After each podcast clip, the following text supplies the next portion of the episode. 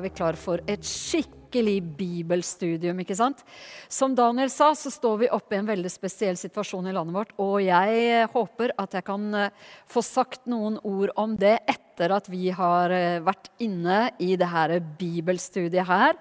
Så eh, vi får se hvordan det går. Hvis ikke så har vi lagt ut ting på sosiale medier osv. som du kan følge med på der. For det er så viktig at vi følger med nå, så viktig at vi våker, og så viktig at vi ber. Så Jesus sa 'watch and pray', og det ønsker vi å gjøre. Vi ønsker å være med midt i det som skjer nå, og sånne unike muligheter som vi har nå, hvor menneskeverdet løftes så høyt på agendaen å, de er så dyrebare! Så nå eh, gjelder det å være med på den måten som vi kan. Og vi kan alle be. Husk på det forresten når det gjelder bønn, at bønn er noe vi alle kan gjøre. Det er ikke sånn at ja, hvis du har gått med Gud i et langt liv, da har du fått det man kaller makt med Gud. Vet du hvorfor vi har makt med Gud? Det er pga. Jesus Kristus, og fordi vi har fått hans navn å be. Og derfor har vi makt med Gud.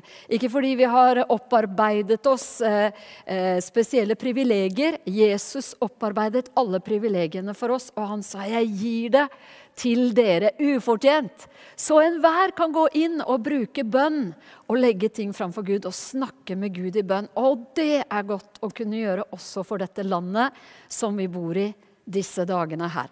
Så nå skal vi gå inn. Vi er kommet, eh, vet du hvor vi er kommet nå? Vi er i første Korinterbrev, og vi er i kapittel fire. Og vi driver også og går igjennom første Korinterbrev. Eh, jeg hadde jo gleden av å åpne det studiet her, da. Eh, og det vil jo si da at jeg fikk også trukket opp liksom noen av linjene, bakgrunnen og byen, eh, Korint osv. Så, videre. så det lønner seg også å gå inn og se på de her tidligere kapitlene som har vært. Så, så Sebastian har vært på, Lars Tore har vært på, og så er det min tur igjen her nå med kapittel fire. Og flere andre kommer til å ha gleden av å liksom dypdykke inn i det her. Men la oss gjøre det sammen. Alle disippelgruppene gjør det sammen. Og, og, vi som disipler av Jesus vi ønsker å granske ordet, ikke sant? så vi forstår hva det taler inn i våre liv. Ok, Jeg skal ta og lese første Korinterbrev eh, fra, eh, fra vers 1 i kapittel 4 her, og skal lese først de første fem versene. Og så begynner vi å pløye bare inn i det skikkelig skikkelig. Altså. Vi vil ha vers for vers her nå, egentlig. Men vi starter med de første fem. ok? Så la da enhver se på oss som Kristi tjenere og som forvaltere av Guds hemmeligheter. Av forvaltere blir det ellers krevd at de må vise seg tro. Som, det som betyr minst for meg, er om jeg dømmes av dere eller av en menneskelig domstol. Jeg er heller ikke min egen dommer. For selv om jeg ikke vet noe med meg selv, er jeg ikke dermed rettferdiggjort. Men den som dømmer meg, er Herren. Døm derfor ikke noe før tiden, før Herren kommer. Han skal føre fram i lyset det som er skjult i mørket, og åpenbare hjertenes råd. Da skal enhver få sin ros av Gud. Altså Her arbeider eh, Paulus eh, sterkt, altså med dette han har, han har, åpnet med. ikke sant? Og han er, driver fortsatt i det kapittelet her. Før det kommer et skifte inn i kapittel 5, så arbeider han fortsatt med den splittelsen som er i menigheten i Korint. Hvordan har det skjedd? Det har skjedd fordi at uh, man har begynt å oppheve seg over Guds ord. Det har blitt grupper grupper og partier i, eh, i, forsamlingen. Den ene holder seg til Paulus, den andre til Peter, den tredje til Apollos. Og vi gikk inn i det grundig i studiet i kapittel 1, hva det egentlig var. For det var noe mye mye dypere enn bare ja, jeg holder meg til det, jeg holder meg til det. det var, de, de brukte de ulike forkynnerne til å finne unnskyldninger for hvordan de kunne liksom bare eh, være på plass i kulturen. Den ene holdt fast på jødiske skikker og skulle stå veldig på det. Den andre andre liksom Ja, vi er fri til uh, alt mulig. Uh, og noen andre ville kle evangeliet i filosofiske ord, sånn at det skulle passe godt inn i tiden. Så, så Paulus han arbeider videre med det her og sier Ingen må se på oss som partiledere. Eh, vi er forkynnere av evangeliet, vi er Herrens tjenere. Og han bruker ordet 'tjener' her. Og det ordet der, det betyr slave. Eh, det ordet han har valgt å bruke om en tjener, det er en slave. Og det var på en måte de, de slavene som var virkelig nederst, som han eh, henvender seg til her når han bruker det ordet. Altså han løfter opp det. Det er sånn vi er, sier han. Og forvaltere. Og det ordet her med forvaltere, det er på en måte de for, det er sånn Han bruker et ord som eh, de forvalter husholdningen. Det er på en måte De administrerer husholdningen. De skal bare ta hånd om det de er overgitt. Så Paulus sier at alt er oss en forvaltning. Og så begynner han å snakke om hvem er det egentlig som skal dømme oss. Eh, du vet eh, De skulle være forvaltere av Guds hemmeligheter. Og hemmeligheter ok, de her er hemmelighetene fra Gud, da, de kunne jo bare, de kunne bare forstås gjennom åpenbaring. ikke sant? Og det var det Paulus holdt på med. Han holdt på med arbeidet for å gi dem hele evangeliet. Det altomfattende evangeliet Evangeliet som inkluderte alt i deres liv. Han arbeider med at det er Guds ord dere skal bli fascinert av. Det er Skriften. Det er ingen forkynner som skal heve seg over Skriften. Og om det, forkynnerne selv ikke gjør det, så må i hvert fall mennesker sørge for å ikke gjøre det. Og all splittelse har sin rot i det her. At faktisk forkynnere eller mennesker løfter opp ulike forkynnere på en feilaktig måte skaper partier og partisinn den ene før, foran den andre. ikke sant? Men Paulus sier ja, men kom an, vi er alle sammen tjenere for Jesus Kristus, det levende ordet. Og det er ordet som skal fram. Ok. Takk og lov for det. Så er det sånn da, at han begynner å snakke om det å bli dømt. Hvem er det som jeg skal dømmes av. Og han snakker om tre ulike dommere i livet. Og han starter her i, i, da, i det tredje verset, så sier han det som betyr minst for meg, er om jeg dømmes av dere. Altså medmennesker kan dømme oss. Og Paulus han sier det at eh, den dommen jeg får av mennesker, det er ikke den som er den høye dommen som jeg en dag skal inn for. Han lever sitt liv på en helt annen plan enn det at, eh, at det som teller for ham, det er hva, måte, hva syns mennesker om meg i dag? Hva syns mennesker om meg i morgen? Hvordan er min standing blant mennesker? Hvor mange likes har jeg nå? Hva, hva sier folk om meg? Det var ikke der Paulus levde sitt liv. Han visste det er en mye høyere instans som jeg skal stå til ansvar for. Han visste hvem han skulle møte en dag og avlegge regnskap for, som han var en forvalter for. Han hadde forstått at eh, menneskelig dom, dem, dom den kan komme, men det er ikke den han levde for. Han levde for noe høyere. Og han hadde også det at han trekker fram dommen fra mennesker, men også dommen man kan felle over seg selv. Og han sier også at skulle det være sånn, da, at jeg bare tenker nei, jeg ligger, eh, ligger, egentlig godt an. Det, det, er ikke mye man kan eh, finne i mitt liv nå. Så sier han at hvis jeg skulle tenke sånn, så vet jeg at jeg selv kan ta så feil av mitt liv. Jeg kan bedømme meg selv så feil så den dommen som jeg virkelig skal innenfor, og som jeg lever hver eneste dag i respekt for og tenker på, det er at jeg forstår jeg skal innenfor Guds dom en dag. Og den dommen, den var han bevisst, og den tenkte han på. Den tenkte han virkelig grundig over i det livet han levde.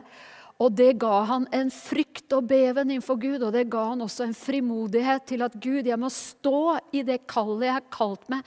Jeg må fullføre min gjerning. Jeg må få fullført løpet. Jeg må få bevart troen. Jeg må få gjort det jeg skal. Han sier ikke det at jeg akter mitt eget liv et ord verdt, om jeg bare kan fullføre det jeg skal gjøre mens jeg er her på jorda. Og det er spesielt at han også sier da at, eh, for vi vet i kapittel 3 Han har talt om Kristi domstol. Han har talt om at det kommer en ild en dag som skal dømme ens livsverk. Og, og det er sånn at han, når han da arbeider med det her, da, med denne dommen, så er det jo spesielt at han sier da skal enhver få sin ros av Gud. Han sier han skal føre fram, Gud skal føre fram i lyset det som er skjult i mørket. Og han skal åpenbare hjertenes råd. Og, og du vet at det å åpenbare hjertenes råd, det er at det er Gud som skal se hvem vi egentlig er. Og det er bare Gud som vet det også. Det er ingen andre enn Gud som virkelig kan se inn i et menneskes liv. Hva er de skjulte hensiktene? Hva er motivene? Og det, du vet, det mennesker ikke vet, det vet Gud. Gud vet ting som ingen andre vet om. Han vet om ting som er skjult i menneskers liv, ting de ikke deler med noen. Det vet Gud. Gud vet beveggrunnene. Gud vet alt det bakenforliggende i et menneskes liv. Og Derfor er det så godt også å vite at det er Guds dom som vi skal overlate oss til.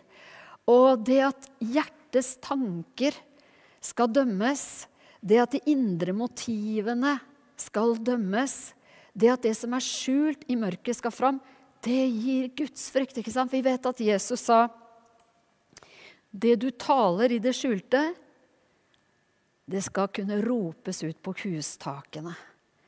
Det å tenke det jeg taler her, det jeg gjør her nå, er det tåler det lyset? Tåler det å bli hentet fram? Tåler det å bli kringkastet? Hva om jeg gikk med en båndopptaker på meg, og, og eh, alt jeg sa i, i, løpet av en dag, det kunne man liksom bare legge ut og bare høre igjennom. Dette var Anne Kristiansens tale i dag. Alt dette gikk ut av hennes munn i dag. Ville det vært noe jeg liksom bare tenkte 'Hjelp, det må aldri skje!' Eller jeg tenkte 'Oi, det var jeg har gått med en båndopptaker og jeg har ikke visst at det ble lagt ut', men kjære Gud, ja ja. Eh, herre, hvordan ville jeg følt det? Ikke sant? Og det er det lyset som Paulus sier. Vi må leve vårt liv i det lyset der. Og hva skjer da? Det som skjer da, det er at man blir veldig fort ydmyk. Og det var det de her korinterne ikke var. De var kommet opp på sin høye hest. vet du. De var de som hadde skjønt det. De var de som kunne bare kverulere. De var de som kunne bare liksom sitte med Skriften og bare Nei, jeg mener det, og jeg mener det. og og legge ut. ikke sant? Altså, de hadde kommet i en posisjon hvor de var liksom kommet litt høyt over de fleste. Og Derfor så arbeider Paulus sterkt for å få dem ned til å forstå at dere, det, det, det nytter ikke den, den, veien dere er på nå. Dere må komme inn under ydmykhet og omvendelse. Å, det er godt. Det er så godt. Jesus vet du, han snakker om det å ikke se flisen i sin brors øye, men å ikke være var bjelken i sitt eget. Han sier, du, arbeid med den bjelken du selv har, før du begynner å plukke på noen annen sin flis. Og det, de her perspektivene her, de holder oss ydmyke. De gir Guds frykt. Hvert ord vi taler, skal vi gjøre regnskap for, står det et sted. Kjære Gud i himmelen. Hjelp oss. Vi trenger alle din nåde. Og du vet, når du tenker på det å være sett av Gud, så er det så godt også at Paulus han avslutter liksom den sekvensen her med å si da skal alle få sin ros av Gud. Han tenker Gud kommer til å finne ting å rose. Han har uh, hørt Jesus si vet du, og, og, fått med seg at Jesus sa det at uh, den som gir en disippel et glass vann, den, han skal ikke miste lønnen. Du vet, eh, Det der å, å, finne noe å rose Det er sånn en foreldre er. Vil finne en far. Gud er vår far. Han vil finne noe å rose. Men dersom vårt verk, vårt livsverk, er gjort med feil motiver, så vil det brenne opp alt sammen. Men vi skal bli frelst vi ser som Guds barn, men da som gjennom ild som vi hadde om i kapittel 3. Men Paulus arbeider med det her. At vi skal framfor en dom, og vi trenger å leve med det for øye. Han skriver videre da, i, i vers 6 her. Brødre, for deres skyld har jeg overført dette på meg selv og Apollos, for at dere av oss kan lære at en ikke skal ut, gå utover det som er skrevet, så ingen av dere skal bli oppblåst for den ene mot den andre. Han arbeider videre med det her. Dere må, må vandre i ydmykhet, dere korintere. Og da sier han at jeg har da snakket om dommen, så jeg stiller meg sammen med dere. Det er ikke sånn at Paulus sier ja, kommer fra si, ovenfra og ned. Han er, vi er alle, alle skal inn for dommen. Vi er i samme båt, alle sammen. Jeg taler til dere, og jeg taler til meg, sier han. Jeg bruker, bruker oss som eksempler her. Vi skal alle, vi er tjenere, vi er forvaltere, vi er slaver. Vi, vi skal bare gjøre regnskap en dag for det vi er gitt. Og han bare ber dem å komme ned fra dette, at de, den ene blåser seg opp mot den andre. Det er ikke lett å korrigere mennesker som har kommet og blitt kommet eh, ordentlig dypt inn i stolthet. Særlig åndelig stolthet. Når man liksom har fått en åpenbaring som 'Dette har jeg sett', og ingen skal fortelle meg at ikke det her er rett. For jeg har den siste åpenbaringen. Det er jeg som har sett noe som ingen andre har sett i Skriften noensinne, egentlig. Vet du, Det å ta et menneske som har kommet dit, ut av stolthet og inn i ydmykhet, det er ikke lett. Så Paulus han går, han går kraftig til verks, og vi kommer inn i sekvenser her som er det, det skarpeste sekvensene i hele dette brevet. Eh, de følger på her nå. Om litt. Og da kommer han til vers 7. Her sier vi, 'Hvem gir vel deg forrang?' sier han. Hva har vel du som ikke du har fått? Men har du fått det? Hvorfor roser du deg da som om du ikke hadde fått det? Han igjen maner til denne ydmykheten i livet. Som er å, Har du en veldig posisjon som folk beundrer? Du, du har fått det.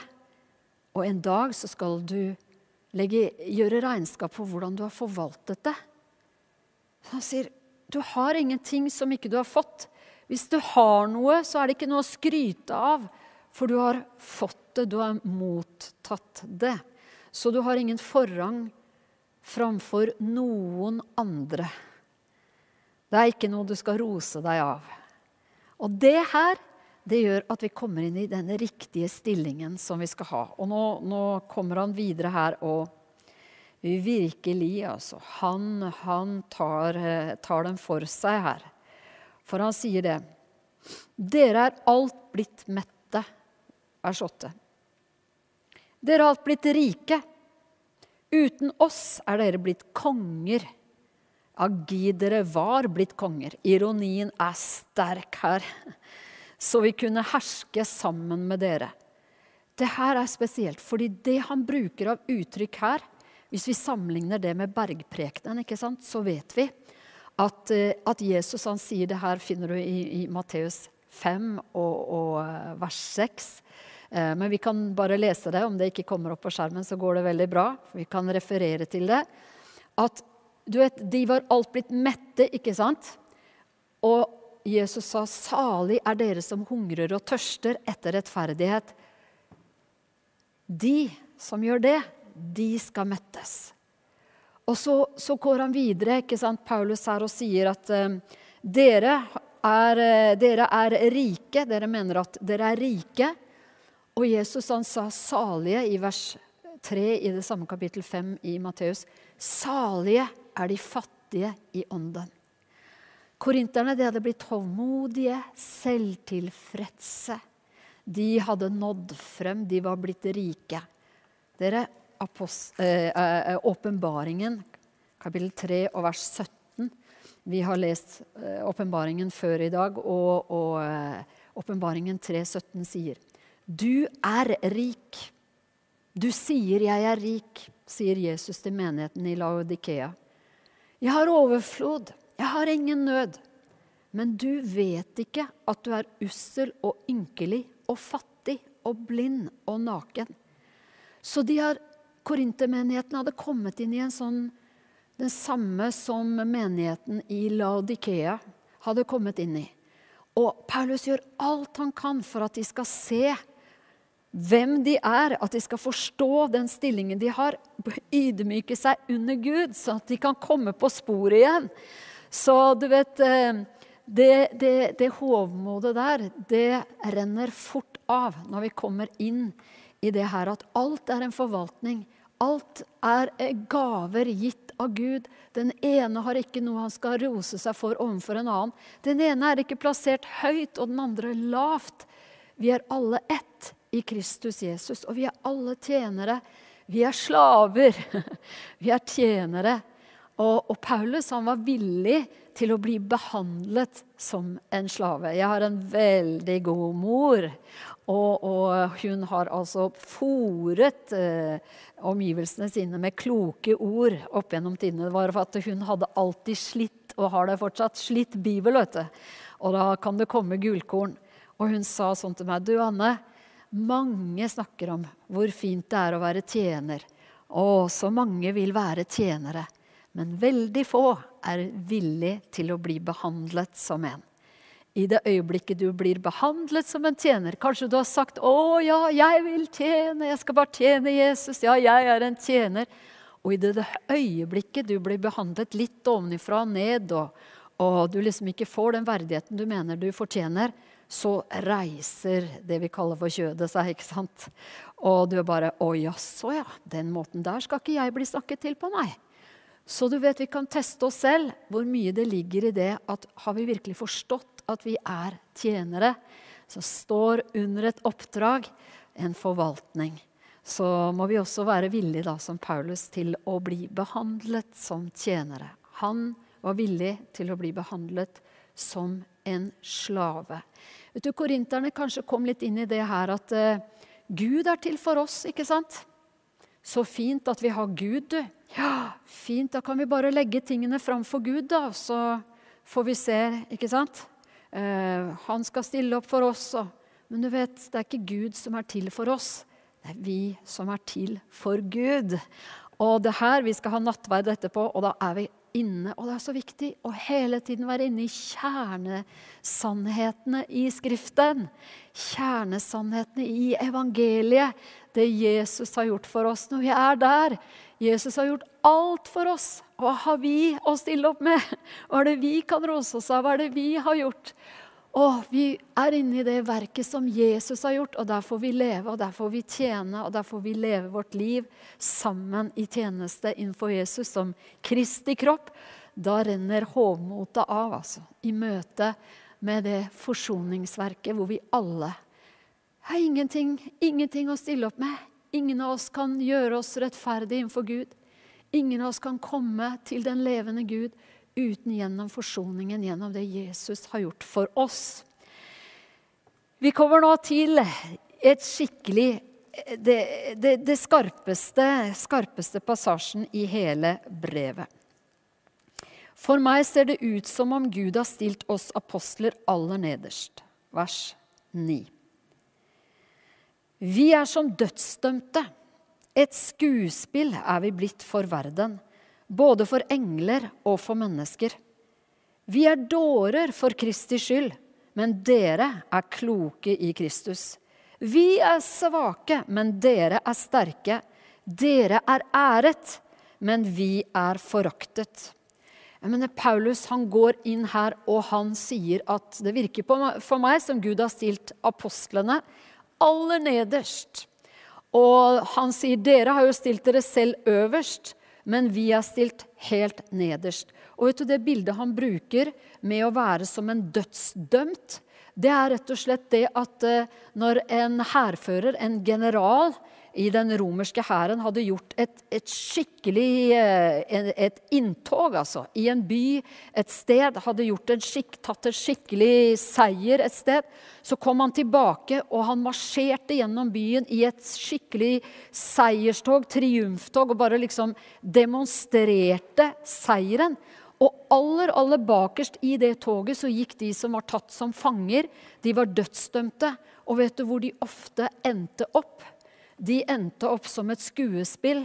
De endte opp på de her eh, arenaene som var bygget, hvor de ble sluppet løs foran ville dyr. Og, og, og det, da satt folk liksom bare på tribunen og satt og så på det her. Så Paulus han sier det, det, de, de, de, dødsdømte der, det er, eh, det er, sånn, det er sånn det er for oss. Vi er som dødsdømte. Et skuespill har vi blitt for verden. Og der sitter både mennesker og engler og ser på oss. Den, det bildet er det faktisk Paulus bruker. Og, og eh, korinterne det han liksom, på en måte kan man tenke seg kanskje Når vi studerer masse forskjellige studiebibler, og vi gransker og vi går inn i det her, så kan det være at det nesten er sånn at han, at han sier dere korintere, dere er jo fremst i toget, dere, da. Og så er vi de aller, aller bakerste. Dere går liksom og høster, prøver å høste inn ære, beholde skansen i samfunnet. Være de som liksom Å ja, vi har filosofi, filosofi vi òg, skjønner du. Ja, vi taler med å, en visdom som denne verden bare må beundre. Ikke sant? De ville være fremst i toget, de ville bli beundret, de ville være populære. De ville være noen ting, de ville ikke miste posisjon, de ville ikke bli foraktet. Mens Paulus han var villig til å følge Jesus Kristus, den foraktede og fordømte, som ble korsfestet. Han gikk bakerst, og han sier, 'Kom igjen, dere korintere.' Det er Jesus Kristus vi følger. Det er han som skal få æren. Det er han vi skal løfte opp. Paulus var villig til å være der. Og, og han sier at vi er de svake, dere er de sterke. Dere er æret, vi er foraktet. De var som dårer i verden fordi de fulgte, Krist, Kristus. For verden kjente jo ikke Kristus. Dermed så ble det helt dåraktig å følge Kristus. ikke sant? Det å være en Herrens tjener og bære det som alle troende er kalt til å bære. Ta opp sitt kors. vet du hva? Vi kan ikke være Herrens tjenere hvis vi skal gjøre mennesker til laks, sier Paulus. Og det å være en Herrens tjener eller en Jesu disippel, det kan vi ikke være om vi ikke er villige til å bære det som virker dåraktig for verden. Vi kommer ikke ut av det.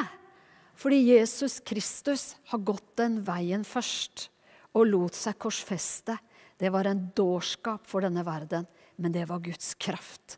Det var det som løste ut vår frelse. Og det er det vi roser oss av. Jesus Kristus, han korsfestet, død for oss oppstått, sitter ved Guds høyre hånd i dag, skal derfra komme igjen. Men vet du, det her det var Paulus villig til å leve med. Han sier, 'Korintere, kom an!' Oslo-borgere, korintere, samtidsmennesker. Kom ned fra det der strevet etter å holde posisjonen og være populære. Tjen Herren Jesus Kristus. Bøy dere for Gud, så skal vi få se Guds kraft åpenbart til menneskers frelse. Korset, det er den kraften vi trenger. Helt i denne stund er vi både sultne og tørste og nakne og mishandlet, sier vers 11. Han bruker et ord her om det å være mishandlet som en slave som blir banket opp av sin herre. Ehm, og han sier at ehm, vi, eh, vi, er, vi er mishandlet, og vi er hjemløse. Vi husker Jesu ord. ikke sant? Han sa revene har hi osv. Fuglene bygger rede, men menneskesønnen har ikke det han kan sitt hode, lene sitt hode til. Vet du, Paulus refererer til at det var situasjon i livet hans hvor han var hjemløs. Han var her, han var der, han var på reise. Han ble forfulgt, han ble steinet. Han reiste seg opp igjen og gikk videre. Han ble forfulgt i, i, en synagoge, gikk videre til en annen, gikk til synagogen igjen. Han elsket sine brødre. Han ville tatt et, deres sted hvis det kunne gjøre at de ble frelst. Du, han, han forteller hvordan det er å være en apostel, og han stiller opp korinternes liv og sammenligner det med livet til en apostel. Og vet du, Det sto virkelig ikke høyt i den eh, verden som da var i Korint, den her storbyen. ikke sant? Den hadde, Man tenker at den kanskje hadde 200 000 mennesker på den tiden, så det var en av de største byene på denne tiden. Og, og han sier, 'Vi sliter og arbeider med våre egne hender'. Og det sto ikke høyt i kurs, altså. Grekerne, det var bare jeg mener, manuelt arbeid, kroppsarbeid. Det er ikke mye verdt, altså. Det var ikke mye verdt i deres øyne. Men for Paulus så satte han sin ære i det. Han ville ikke ligge noen til byrde. Han arbeidet med sine hender. Han var teltmaker. Og han sier et sted 'Jeg har arbeidet mer enn dere alle'. Så Paulus, altså, det var en skikkelig arbeider. Han, han er lett å se for seg at mens andre hvilte, så arbeidet Paulus. Kanskje mens andre Herrens tjenere også hvilte og tok seg en skikkelig god pause, så var Paulus arbeidende. Han var en sterk, solid, fast arbeider som arbeidet. Og han løfter det fram midt i en kultur som liksom bare Ha! kroppsarbeid, hva, hva er det for noe? Og det sto ikke høyt i den antikke verden, det som følger her heller. Han sier vi blir utskjelt, og vi velsigner. Vi blir forfulgt, og vi tåler det.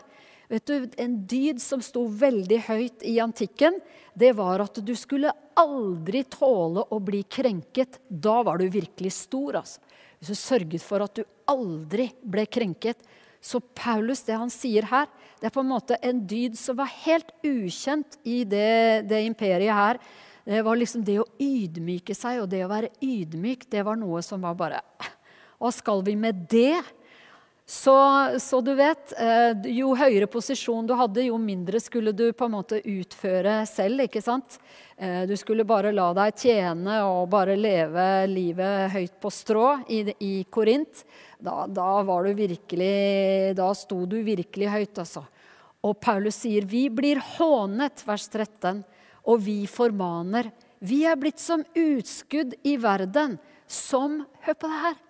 Som avskum for alle. Paulus! Herrens tjener, tenk på hvordan det kan være. Paulus er den som fikk i oppgave å fullføre dette her. Altså, han har skrevet de største delene av Det nye testamentet. Vi snakker om Paulus. Apostelen Paulus, Guds tjener. Som vi bare Kjære Gud! Alt det Gud brukte han til. Men sto han høyt i kurs? var det liksom Wow, Paulus! Mm, du skjønner, vi er, vi er på lag med Paulus. Nei, han sier vi er som avskum i denne verden helt til denne stund. Mens dere korintere, dere prøver å, å adskille dere fra alt det som, eh, som, er foraktet. Dere vil ikke ta på dere det her lave. Dere prøver å riste det av dere. Men jeg, Paulus, jeg er som en avskum, og hvis jeg har blitt sånn, da må vi stå sammen, korintere. Det er ikke noe forskjell på dere og meg. Vi, må, vi, står i den samme båten. Dere må inn under det samme, dere også. Han maner dem til ydmykhet midt i en tid hvor det var foraktet. Så da som nå så gjelder det å ta vårt kors opp. Er vi villige til det? Når det ikke er, føles behagelig i det hele tatt og snakke om Jesus, snakke om frelse. Korset. For en dårskap. Tror du virkelig på det? Det der har alltid hengt ved korset. Den dårskapen har alltid vært der til alle tider. Fins ikke en tid hvor det har vært liksom wow, det store. Det er det store. Men den ånden som er i verden, forakter og forsøker å holde mennesker borte fra det. For det er Guds kraftige frelse. Derfor så må vi stå, stå faste rope ut, være tydelige og klare i vår tale. Bære evangeliet med ære og stolthet midt i det at man kan bli foraktet. Fordi det er det evangeliet som frelser. Det må forkynnes til hvert menneske som lever. Det må spres høyt og lavt. Det må løftes opp. Vi må ikke være stille. Hvis vi er stille, så mister det sin innflytelse. Er vi på med det, så kan det skape motstand. Men det er av det gode, for det kan gi framgang. Nå er det sånn at Gud han sier 'jeg vil at dere skal leve et stille og rolig liv'. Så derfor skal dere be for alle i høy verdighet. Så Gud er ikke ute etter at det skal, skal, være, skal skapes eh, vanskelige kår for evangeliet. Gud vil at det skal gis rom for evangeliet, men samtidig sier han klart og tydelig at det vil skape gnisninger, det skaper konflikter, det skaper ufred rundt evangeliet nettopp fordi det er en åndelig kamp rundt det. For i det ligger hvert eneste menneskes frelse. Kjære venner. Ja, vi går videre, vi. Det er mye i dette brevet og i dette kapittelet også. Og vi beveger oss eh, til siste, det siste avsnittet, som er 1. Korinterbrev 4, fra vers 14 og til vers 21. Og her ser vi at Paulus han eh, snakker som en far. Jeg skriver ikke dette for å gjøre dere skamfulle, men for å formane dere som mine kjære barn. Og i og med at han er ute etter å få dem ut av den stoltheten de feilaktig har kommet inn i, så åpner han jo kapittelet med å si 'kjære brødre'. ikke sant? Og her kommer det 'kjære barn'. Han snakker som en far. Og vet du, Jesus han snakker jo om det å være en leiekar eller det å være en sann hyrde. Hva gjør leiekaren når det begynner å bli tøft? Han stikker bare av. ikke sant? Paulus kunne bare sagt nei, dere korintere, dere får bare holde på. Jeg har ikke tid til å holde på med dere. Dere får bare leve videre i det her sus og dus, merkverdighetene dere har kommet inn i. Men absolutt ikke. Paulus er ikke en leiekar. Han er ikke en som bare er en læremester. Ja, ja, en tuktemester. Ja, jeg får bare prøve mitt beste med dere, men hvis dere ikke vil, så får jeg bare gi opp. Han gir sitt liv inn i det her, som en far gjør. Du vet, En far vil aldri si til sitt barn ja, det er ikke så nøye, det er ikke så farlig. Du får bare leve ditt liv. Du får bare gå. Du får bare ta feil. Altså, jeg bryr meg ikke om det. En far vil gjøre alt for å formane sin sønn. Og datter selvfølgelig, og en mor selvfølgelig. Vi snakker om far her nå, for det er det, det, det, han taler om her. Jeg er som en far. Men vi vet at en mor selvfølgelig er det samme, og en far til en datter er det samme. Men en far til sin sønn å, det ligger et dypt alvor der etter å lære. Og vil, en far vil aldri gi opp å lære et barn å gå en vei som han vet er den mest gagnlige. Vil, vil tjene, vil bringe alvor, vil fortsette å tale og etterjage med kjærlighet. Så du vet, det er så tydelig at alt det her som Paulus har sagt, det er ironisk, det er sterkt, det er rystende, det han sier. Men det er for å vekke dem. Det er slik en far taler. Sånn er det han taler. Og han sier, for selv om dere skulle ha 10 000 læremestere i Kristus, så har dere ikke mange fedre. For jeg har avlet dere i Kristus Jesus ved evangeliet. Han hadde forkynt evangeliet for dem. Det var sånn at du vet, Man kan ha veldig mange lærere, hvis du sammenligner med det ordet han bruker der. da. Kan jo ha 10 000 lærere gjennom et liv. ikke sant? Men fedre, det er noe annet. Så han sier, 'Jeg er deres far'. Det er jeg som har grunnlagt menigheten. Det er jeg har, står i en særstilling overfor dere. Og det er da så spesielt ikke sant, at han har brukt de tidligere kapitlene altså Vi deler det i kapitler, det er et brev, det her. Det tidligere han har skrevet i brevet, det er jo nettopp det. Dere skal ikke holde dere til verken meg eller Apollos eller Peter osv. Eh, så det har han lagt som et grunnlag. Det er ikke derfor jeg sier det, sier han, for at jeg, mitt parti skal bli det største. Absolutt ikke. Det fins noe høyere. Vi må holde oss til Skriften. Vi kan ikke vike av fra Skriften. Det er Guds ord som teller. Det er Skriften som teller. Og, og i det å gi dere evangeliet, så er jeg en far, og jeg løfter opp Skriften for dere. Og det er det dere skal holde dere til. Så han har eh, lagt en grundig grunnvoll for den eh, forståelsen av hva det er han sier nå. Det har han gjort gjennom brevet. Og han eh, formaner altså da i vers 16, og det er virkelig her, vi, her, her er det så du bare liksom skvetter til, ikke sant? For her sier han Jeg formaner dere altså, bli mine etterfølgere og vet du, det her er sann ydmykhet fra Paulus og sann frimodighet. Den måten han, han, han, arbeider med det her på, det er vil, Dere må få slutt på den splittelsen og det som har skjedd i menigheten. Nå bare sier jeg til dere, bli mine etterfølgere. Jeg mener, hvor mange kan si det? Som forkynner Guds ord, eller som er en tjenestegave satt til å tjene Guds menighet. Hvor mange kan si det? Hvor mange er det ikke som heller ville sagt ja, eh, hør på det jeg sier, eh, men eh, mitt eget liv eh, Ja, det, det, der må vi be om stor nåde. Vi er alle, alle kommer til kort, og vi alle er på vei, og vi alle er underveis osv. Men Paulus sier bare 'bli mine etterfølgere'. Oi, oi, oi, oi. Så han opptrer med myndighet i denne situasjonen, og han skaper en retning. Og han sier at 'jeg har lagt grunnvollen, jeg har gitt dere grunnsetningene'. Det er jeg som har fortalt, lagt grunnen for dere, og nå må dere tilbake der. Og så må dere følge meg på den måten. Der hvor vi var i inngangen, når vi forkynte evangeliet og grunnen ble lagt, nå må dere fortsette i det samme sporet der. Så han formaner dem sånn med det alvoret der, som en far.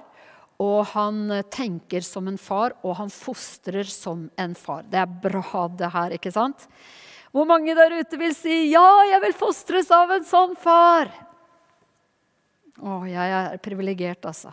Jeg har blitt fostret av en sånn far. En sånn knallgod far. Fikk hilsen til både min mor og min far i løpet av prekenen her. altså. Det var skikkelig bra.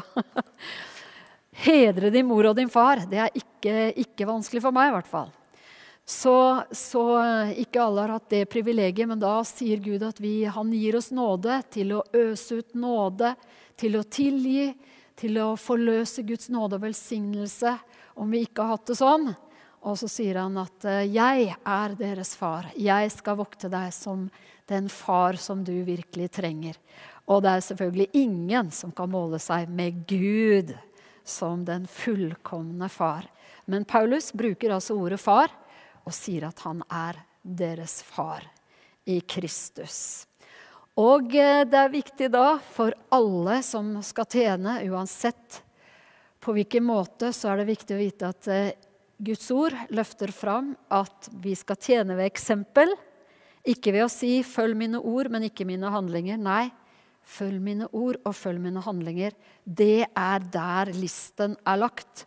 Så er det ikke alltid at vi kan nå opp til det og si som Paulus sier her. Men det er det Guds ord sier. At det fins ingen, ingen, unnskyldninger. At ja, vi er jo bare mennesker, ja, vi kan ikke bedre, osv. Ja, alle feiler, vi må jo alle feile.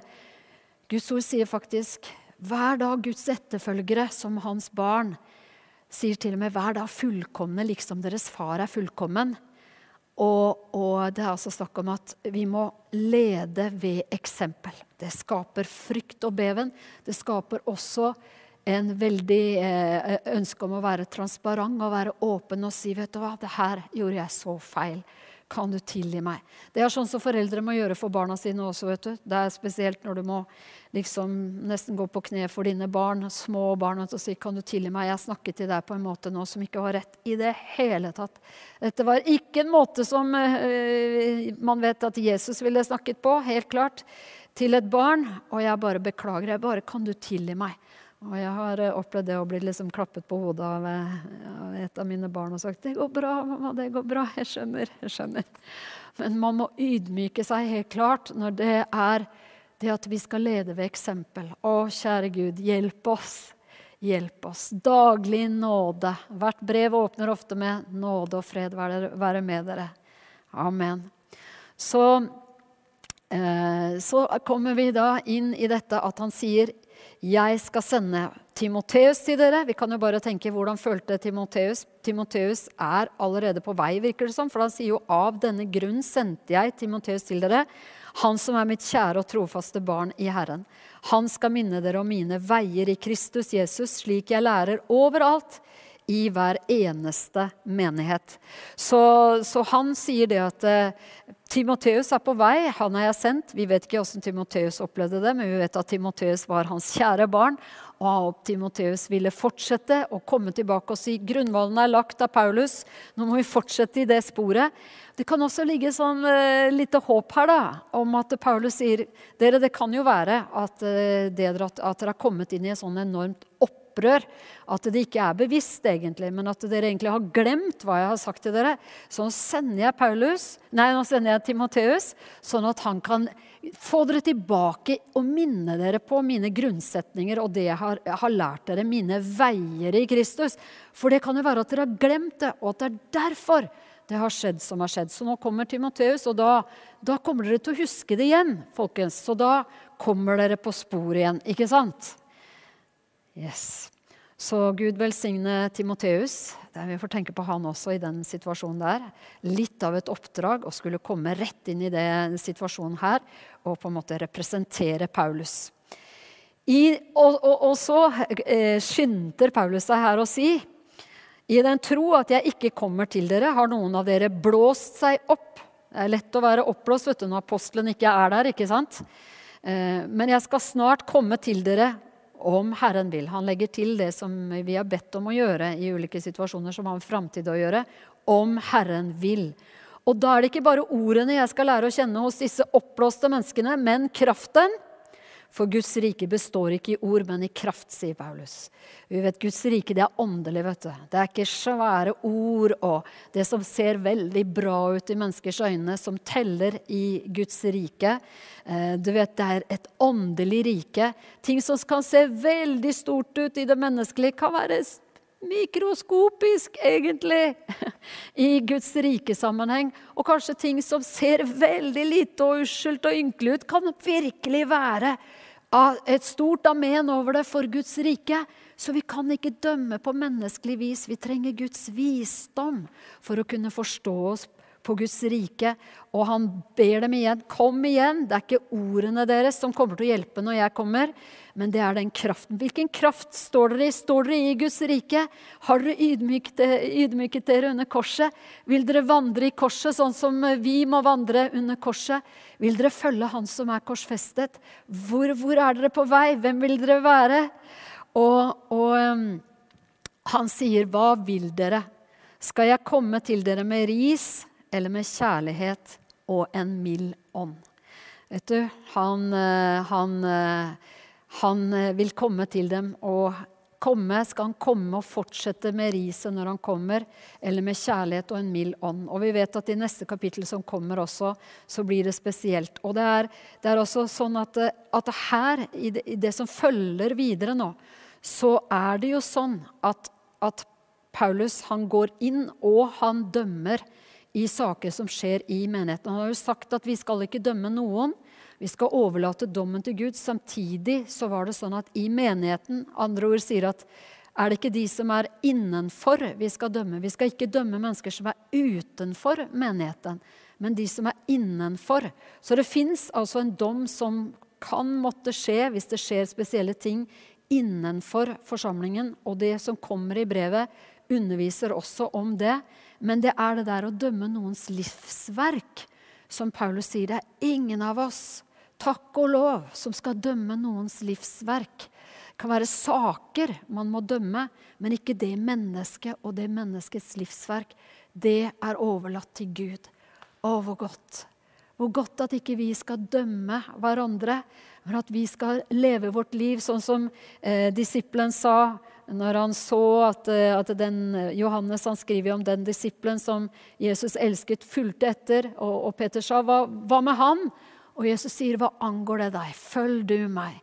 Hver og en av oss bare, 'Herre, følge deg, leve livsløpet for deg.' Være under korsets kraft. Leve som en tjener. Være villig til å bli behandlet som en tjener. Følge Jesus med alt hva det innebærer. Og det her, eh, det her brevet der liksom bare Må korsets kraft seire i våre liv. Amen. Så Paulus han har gått tungt i verks nå for, og, og, og, virkelig dyptpløyende for for å redde dem fra den farlige veien som de var på. Hvor de liksom hadde kommet inn i det at de ønsket å være populære i samtiden. Og de hadde begynt å, å, å prøve å påkle seg masse menneskelig visdom for å slippe det her eh, anstøtet i korset. Men Paulus han får dem tilbake inn under korset og inn under korsets kraft.